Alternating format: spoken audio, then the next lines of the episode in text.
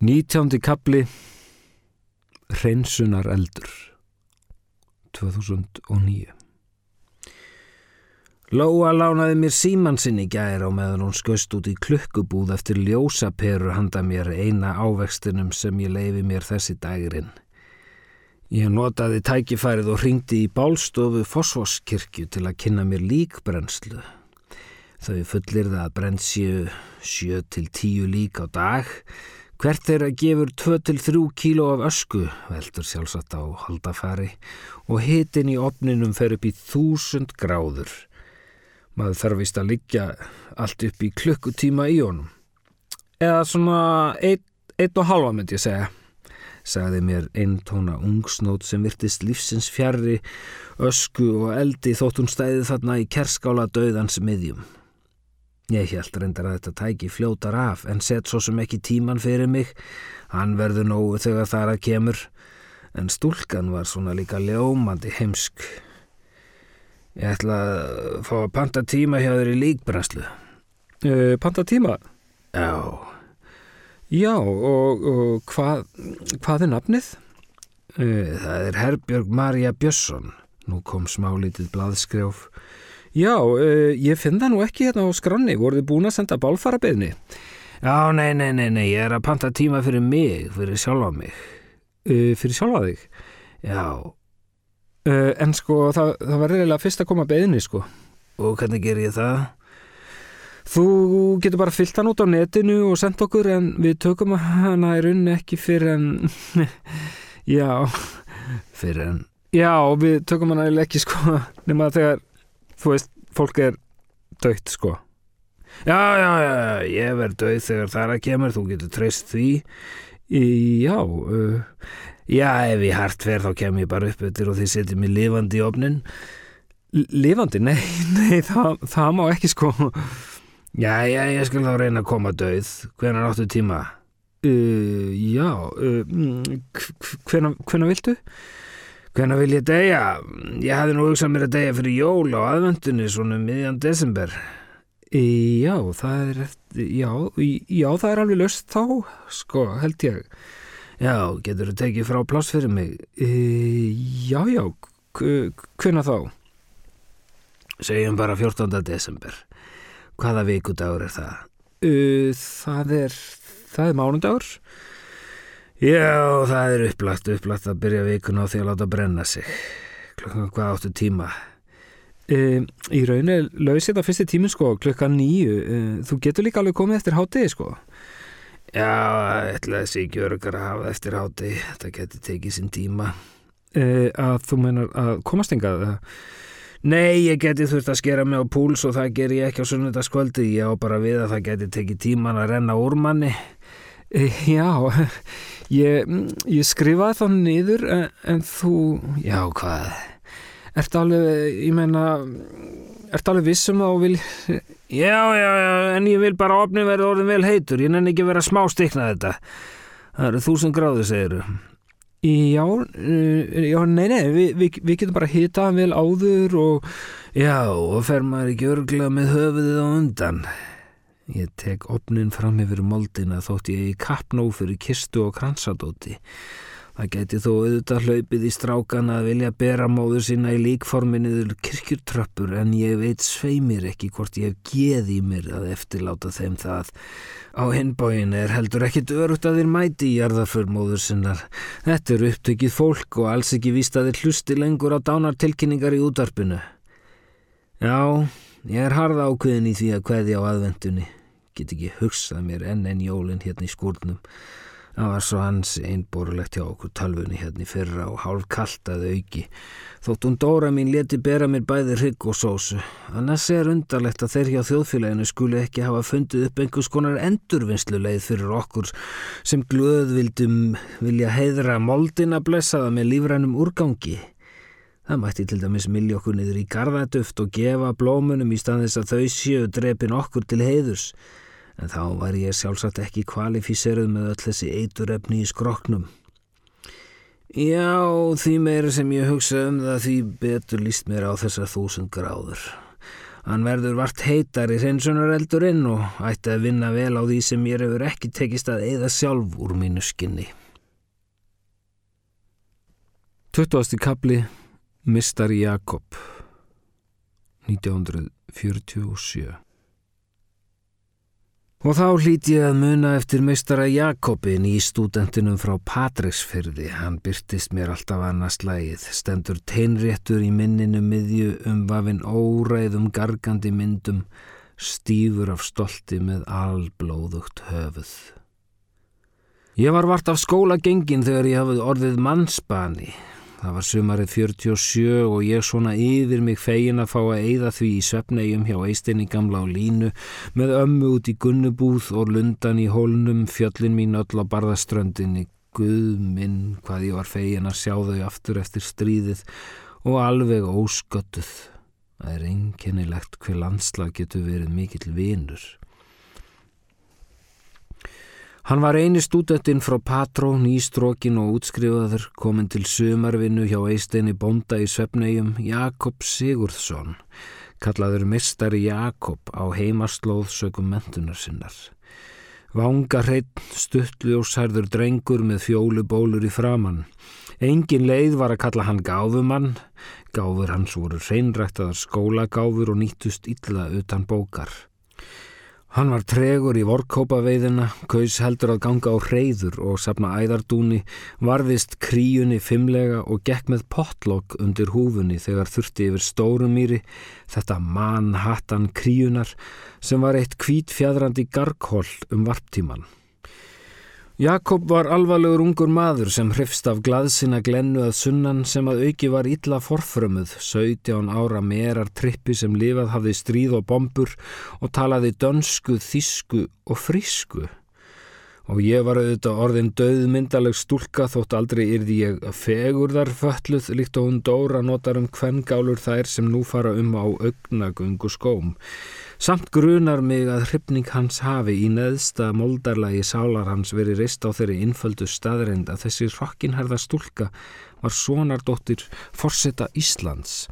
Jakob bar takmarkalösa lotningu fyrir öllu yfirvaldi, setti upp strangan helgisvip um leið og repstjórin byrtist úr flatei og starði á bestastaðabarnið sem bergnumin í tvær vikur eftir að ég steg á land í þraungu reyðbukssonum og háu amerísku strygaskónum sem sendi herra USA hafði gefið okkur um jólinn. Koppi vissu auðvitað að mér hafi verið ekkið af forsetabílinu á Altanesi á bryggjuna í Stikkishólmi af engabilstjóra hans hátegnar.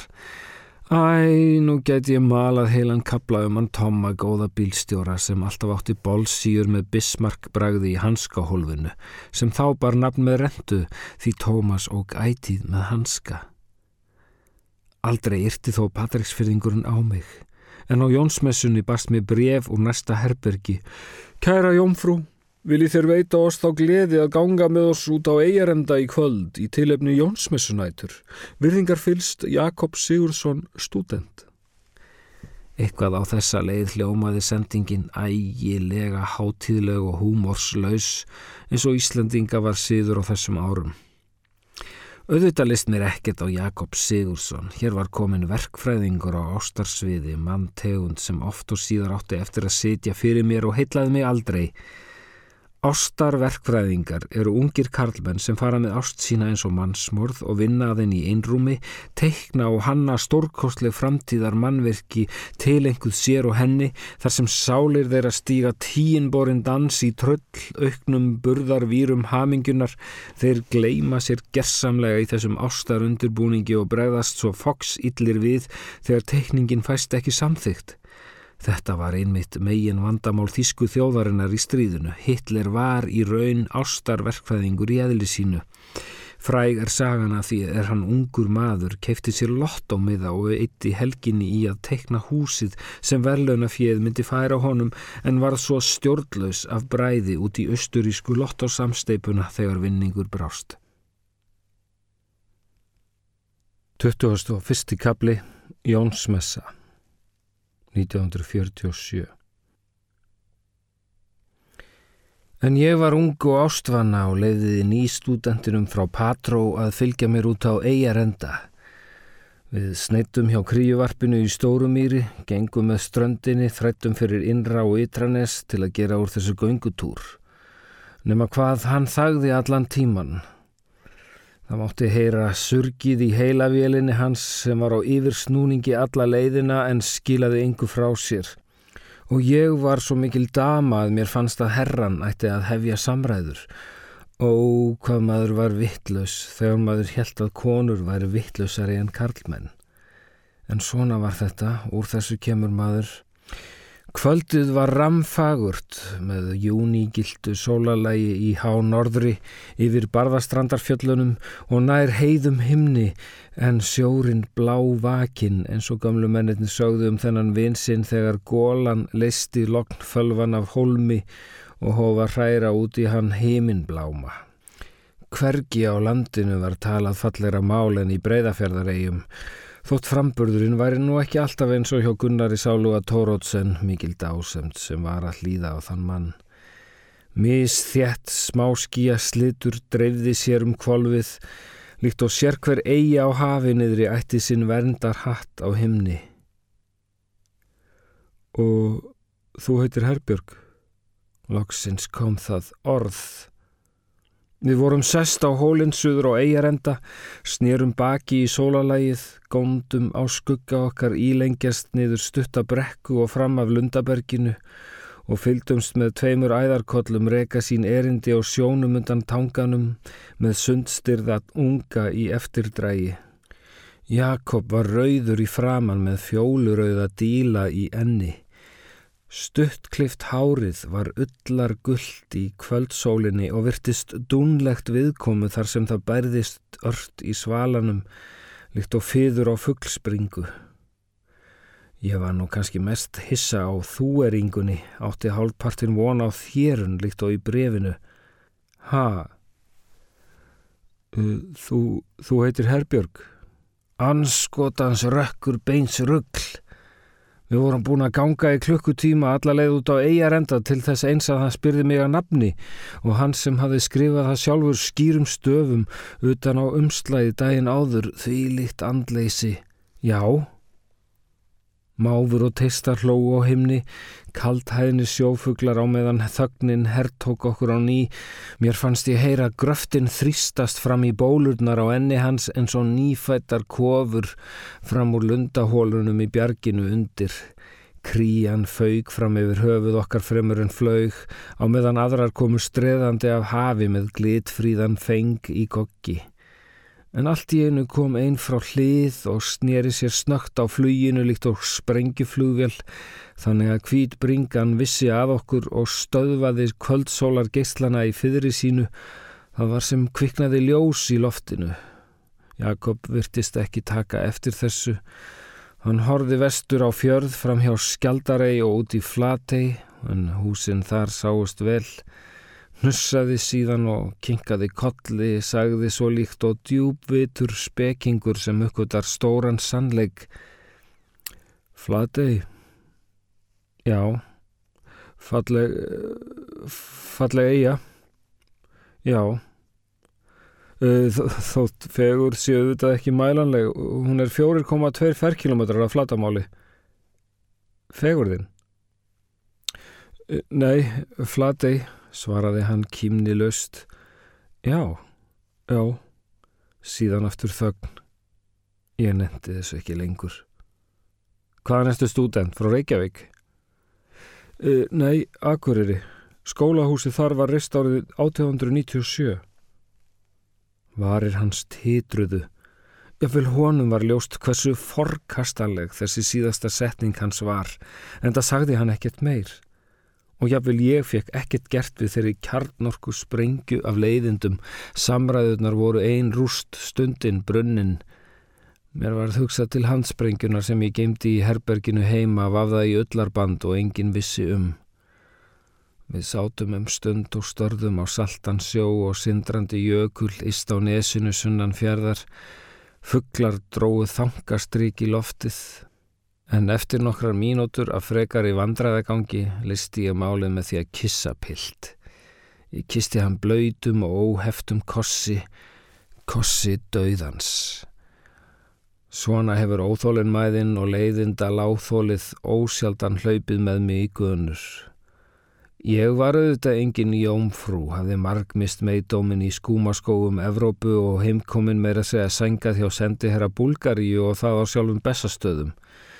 Við kistumst á góða stund á meðan kríurna létur sig falla lóðurétt niður í sjóin, stungu beittum nefjum í ókirran haflötin líkt og flýsa töngum í yðandi hold og drógu upp úr því smásíli að færa ungum sínum heima í stóru mýri.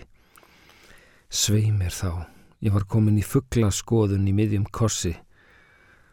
Ég reynda að byrja upp á nýtt en að lokum var tunguföndrið orðið jafn leiðilegt og samræðunar. Þetta var hið allra ömulegasta kvöld. Við vorum eins og personur í málverki eftir munk. Umvafin ægi fegur bláfjörðar og sólalags en þjöguð af ástarbjástri og innan líi. Hann staðnæmdist einu sinni á heimleiðinni og reyndi á klauvalega hátt að hefja kossróður á ný en ég laug því til að það gæti sést til okkar. Og auðvitað fengu við kýmið auga úr skemmu gættir heimkom. Rósa vinnukona var mikil slúður tunna sem var svo næm á gorið að ekki þurfti bátsferð til að bera henni nýjustu kæftasögurnar úr skálegjum, látrum og sviðnum. Það kvíslaði mér kríja var viðkvæði hennar. Rósa var ofan af strönd og innréttuð til að eiga heilan formann og með honum 17 börn en varð að gera sér einstímið að góðu, hvort sem það var trúmennskan við söpnæjar hjónin eða manníkt útlitið. Hún var tunnulega vaksinn og ófrínilega evra að hálfu tannlaus með dúnskegg í vöngum og svitakirtla sem voru jável enn öflugri en þeir hjá svitagunnu í gunnubúð. En það mótti Rósa eiga að hún hafði þann fallegasta barm sem ég hef augum litið og hef ég þó víða í klúpum setið. Heimastrokkaða smjörið sem aðeins var haft með jólabrauðinu kallaði Svenki Rómans jafnan Rósusmjör og ímyndaði sér að það væri ættað úr brjóstum vinnukonunar. Þau voru yfirmátar stór en fullkomlega jafnstór og fagurlega kveld. Hún gerði sig grein fyrir þessu sjálf og beraði þau stundum á böllum þegar einsemdin ætlaði hana lifandi að drepa. Þetta herrbrað mun hafa hefnast einu sinni að mistakosti þegar rússi gamli, sela skitta úr söiðegjum, fekk hennar á skralli í flategi. Ég man enn eftir Rósu þar sem hún stóð í skemmugættinni á Jónsmessunótt í Svefnó og fyldist með okkur Jakobi ganga inn í bæ á smá munstruðum vinnukjólnum sínum útötuðum í dúnrati, hendurnar svartar með síðum og tönnin gul í glottinu. 20. og annar kapli Maður út í mýri 1947 Dægin eftir barst mér ljóð, frum ort undir dróttkvæðum hætti því sér íslenska brakformi sem lifað hefur með þjóðinni í þúsund ár og veldur því að engin tímamismunur er á slíkum ljóðum, kvæði ort árið 1047 og 1947 eru nánast alveg eins. Ég efast um að fleiri þjóðir geti státað af slíkri stöðnun í listum. Þetta þótti mér þó ágætt hjá honum. Indis fögur var Íslands dóttir við ástar á enda fundi, líkt og bára bjargið fuggla, með þá maður kisti. Það leindi sér ekki. Meistari Jakob var orðin krónprins Íslands og framtíðin blasti við honum. Brúðkaupið yrði á bestastöðum. Hér að setja hann frá Patró myndi ekki láta stúdensprófið næja. Hann kemi sem konungur fagnandi heim í fjörð með svonardóttur fossetans upp á armin. Ég sá sem var að þessa sveinfæðingu yrði strax að jarða. Í næstu flategarferð varði ég mér út um búðarstrák til að ganga með um plossið og kessa undir kirkjuvegg og það stóð heima Að kvöldi næsta dags opnaði Rósa slúðurtunnu sína og stúdendin þagði þungum sels augum í bátnum daginn þar á eftir á leið okkar yfir í Grasei í heiskap. Um kvöldið kvarf hann af bæ og kom ekki heim að sofa. Fólk var vakið snemma morguns með óbum og köllum. Lína hafði farið út í morgunsárið og séð til pilsins þar sem hann hafði berhafðaður stilt sér upp í miðju kríuvarpinu í Stórumýri og stóð þar teinréttur með hendur niður með síðum eins og handalus fugglarhæða sem fugglin var hins vegar óhrættur við. Loftið yfir honum var myrkvað af kríu. Hann hafði staðið þarna lengi, kannski alla nóttina því höfuðið var eldrautt af blóði, svo vart sá í auðan blett í andliti hans.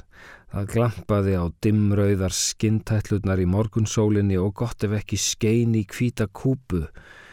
Grimmur og goggbeittur fugglin hjó í kvirfil hans án afláts tögum saman. Eisteit bóndi og landi vinnumadur rauku strax til og sóttu drengin sem nýreindar niður rétt áður en þeir náðu til hans. Hún var þegar komið í bát og silt með hann yfir í flatei þar sem læknir var stattur fyrir tilviljun. Hann bætt um sár hans, gaf honum stillandi og fyldi í ferjubátinn Konráð. Ástarverkfræðingurinn lést hins vegar áður en komið var í Stikkishólm. Setna fór ég um alla vestfyrði en kom þó aldrei á Patró. 20. og 3. kapli Gauji og Dóra 2009 Í bílskúrnum er einfallleikin í fyrirrúmi. Hér er allt sem ég þarf en það þarf ég ekkert, aðeins liv, mat og net. Já, og síkaretur sjö per dag. Rúmið mitt er gamalt og gott spítalarúm sem rúlaði niður grensásinn af samnendri deild og allalið hingaði inn fyrir tilstilli góðra kvenna. Ég get stilt á mér bakið og hálsin og geri mér yfirleitt hátt undir höfði. Kottan hef ég undir gluggalösum vegg sem snýr í söðvestur, hraustur og sterkur og skýlir mér fyrir öllum lífsins skúrum eins og kallmaðurinn sem ég aldrei fann. Veggurinn gengt mér snýr því í norðaustur, sá geymir riflaða útihurð með gljáandi húni og vinstræmein við hana þrjá smáa glukka, hátt setta. Í þeim lengst til vinstri byrtist mér Lennon í ljóslíki á svartum haustkvöldum. Á vinstri hönd er síðan skilrúmsveggur, þunnur og gegnheiranlegur. Handan hans er bílskúshörð og guðjónsdót. Á hægri hönd með fram austurvegg er eldúsbekkur með vaski, ískáp og hittaplötum og í hornunu við dyrnar stendur svo dagra kvölun mín klósettbás. Það er undalegt þjóðfélag sem krefst fótaferðar af kararfólki sínu. Ég hef marg bent stúlkunum á þessa þverstæðu. Ég vil fátaktar samfélag fyrri alda virtu sjálfsagðan rétt okkar til sörláts undir seng en ætið án árangurs. E, því miður. Við megum bara þjónusta fólk sem ræðu við ADL. Hvað er ADL? Aðtapni daglegs lífs. En ég, ég ræði ekkit við þær og hef aldrei gert. Ég gleymið að nefna náttborð, gamlan ferfætling frá Ava Sveini og ömmu Georgiu sem smíðaður er úr dönsku ættartrið. Á því hef ég öskubakkan, erðagripp frá pappa úr þísku messing. Já og þá vakir einn aldinn skrippborstóll við rúmstokkin hjá mér undarlegur frambakur. Hann býður gesta og býr yfir ókjörum af þólinnmæði. Ég nýti hann stundum sem göngugrind á leiðinni Dolorosa. Öll er innrettingin Guðjónsverk, hvar væri ég án hans? Aug snirtingar setti hann upp eldúsbekkin og þyljaði fyrir bilskúshörð, lakkaði golf og leiðrætti ljós og gaukar stundum að mér snafsalús á lögataskvöldi þótt hans ég mentaður við rekstrarverkfræðingur en svo er Guðjóns húmor og taki dægin hjá einhverju skúfufyrirtækinu er hann yðnaðarmadur í eðli sínu eins og annar hver Íslendingur. Framkvæmda gleðin hefur alltaf verið rík í okkur. Fólk er ímist að brjóta niður veggina sína, byggja pallana sína eða draga í eins og það heitir. Allt er það hugsað til að laga hjónabandið en alvitað er að allir þeir nútímans erfiðleikar eru tilkomnir fyrir það sem ég kalla uh, karlhángsið. Hjónabandserfiðleikar þekktust ekki fyrir en eigin maðurinn hætti að stunda sjóin og fór að hanga heima um helgar. Þetta skilja nú karlmenn loksins sjálfur og reyna að fylla þennan óheppilega frítíma sinn með uppdyktuðum nöðsynja verkum. En það ég var búin að lofa gumma að hjálpa hann upp í bústað heyrði ég hann segja handanþils í fyrri viku. Já, það er vist ekki til það hjúskapar viti á Íslandi eða ekki megi byggja við að pall. Hann starfar hjá einhverju heimsfrægu hugljómunar fyrirtæki hvar hann situr af sér dægin yfir tölvuskjá og getur ekki byggð eftir því að komast heim til að flýsalegja baðið eða þrjuma sér á fjöll. Þeir eru svo verkvana þessir nútíma piltar sem ekki þurfa að róa til fiskjar eða vaða jökulvatni yfir dægin að þá verkjar beinlinnis í lúkurnar er heimkemur. Við státum okkur af því að aldrei sé atvinnuleysi á Íslandi en gleymum því að fæstum störfum okkar fylgir nokkur vinna. Ég efast um að það sé um að sjómenn og útlendingar sem vinna eitthvað að ráði á þessu landi. Restin húkir á fundum, situr við tölvusendingar eða slugsar í heimsins lengstu kaffitímum. Jafnvel í sjálfu þinginu situr það fyrir augum alþjóðar og gónir á símana sína eins og kerlingar á bingospjöld. Þorri fólks kemur vita verklaus heim úr vinnu og reynir þá hvaða getur að finna sér eitthvað heima við. Því segi og skrifa sér hver Íslendingur er bjartur í sínu sumarhúsi og Guðjón er albjartur, Hallamáls fíkill og jeppans maður. Það heitir GPS, Global Positioning System, segir hann og grætir flösku í glas. Já, já, ég þekki það, natt stöðu nýtt á íslensku, svara ég og síp þegar á af konjaks kæti. Já, En allan að, sem sagt, ef maður er með þetta í bílnum þá veit maður alltaf hvar maður er. Þú getur þess að fylgst með mér hérna í tölfunni. Sjá, ef þú farir hérna inn á þessa síðu og slærið inn gauin, G-A-U-I-N-N, þá kemur upp þetta kort og þessi punktur hérna sko. Kallmenn geta verið svo óskup einfaldir. Þegar þeir eru orðinir alveg týndir í tilvörunni kaupa þeir sér staðsetningartæki. Ekki hef ég orðið svo fræg að sjá jeppan á bænum en hljóðið í honum er kröftugt og Lóa segir mér að hans sé kvítur að lit með dekkjum sem taka henni í nabla. Já, ég skil nú reyndar ekki alveg hvernig hún Dóra kemst upp í hann þegar hún er minn en ég, segir hún skinnið. Ég sef stundum með samviskupið yfir því að hafa húsaskjólið af slíkum megin fáki sem húsbónda jeppin er. Þá dreymir mig dekk svarta drauma þar sem hann egur yfir mig hvað eftir annað. Á laugadagsmornum heyri ég Guðjón rýfa upp bílskúshörð og russlast í dótinu sínu handanþils áður en hann þýtur á fjöll. Hann fer á ekkert njökulinn nánast um hverja helgi og kemur sér þar fyrir í djúbri sprungu til að þamba kaffið sitt. Eitthvað barast hann nógu langt svo hann heyri ekki frúnni. Þeim líður vist ekki vel þessum jeppamannum fyrir þeir eru komnir upp á örafinn og inn í símaleysið. Kanski geima þeir viðhöldin sín í hellum á hálendinu kappklættar og ljónheillandi álfkonur sem dunda við sig vikuna og kinda hellisbálum helgar. Það sæði mér reyndar gömul vinkona að Ísland væri svo lítið að framhjóald væri hér nánast ómögulegt. Í hverri gætt, í hverjum glugga standi slúður tunnan opinn. Ég held að þetta sé nú kannski fremur spurningum lagni. Að minnstakosti tókst mér að halda Boris leindum í tvö ár en hann var auðvitað í heppilegu starfi, þjóttn á sögu og fór aðeins úr húsi einu sinn í mánuði til að fara með launin sín í bankan. Hann var álfurinn minn í hótelkletti og aldrei kappklættur. Ég hef vissa samúð með Guðjóni því satt að segja er hún ekki mikið til samtalsins, hún dóra mín með öll sín ferfættu áhuga mál og marathón malandar sem ekki fer yfir öll mál á vaðinu.